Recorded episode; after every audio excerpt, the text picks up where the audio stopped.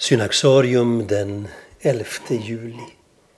Benedikt av Nursia. Benedikt är den västerländska klosterrörelsens fader och författare till den berömda klosterregeln som bär hans namn.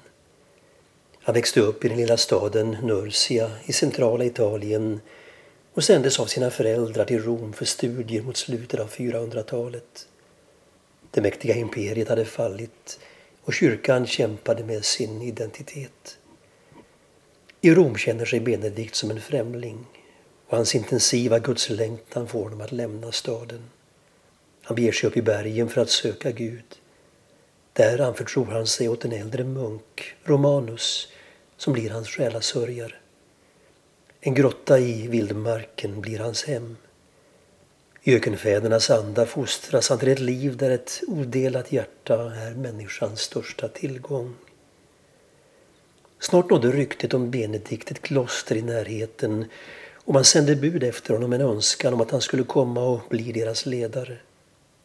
Det innebar slutet för det stilla livet för Benedikt. I klostret blev han dock inte långvarig. När Benedikt, som ännu inte var fyllda 30, inledde den reform av livet bland bröderna han såg i behov av blev det snart protester. Munkarna ångrade att de anlitat den nitiske eremiten. Konflikter avlöste varandra och Benedikt lämnar med orden Sök nu en abbot som passar er.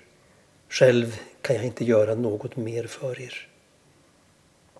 Han återvänder nu till grottan i Subiaco där allt fler unga människor söker sig till honom. Snart är de så många att han måste organisera dem i mindre kommuniteter. I varje gemenskap utser han en ledare och tar för egen del ansvar för vägledningen av noviserna.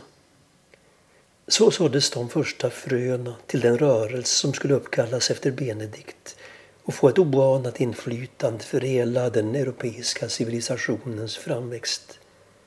Stabilitet och kontinuitet blev nyckelord i den rörelse som Benedikt grundade i en tid när rastlöshet och rotlöshet hade börjat få insteg i kyrkan. Ora et labora, bed och arbeta, är ett valspråk som ofta förknippas med benediktiner. Även om formuleringen inte finns i klosterregeln sammanfattar den den livshållning som kom att prägla de benediktinska klostren av vilka det mest berömda grundades i Monte Cassino år 529. När Benedikt tecknar ner sin regel är han påtagligt inspirerad av Johannes Cassianus som i sin tur förmedlar arvet från ökenfäderna. Den benediktinska spiritualiteten framhåller de långa linjernas välsignelse ett liv där vi inte stressas till ständigt nya vägval och åtaganden utan befrias till den större vilan i Gud.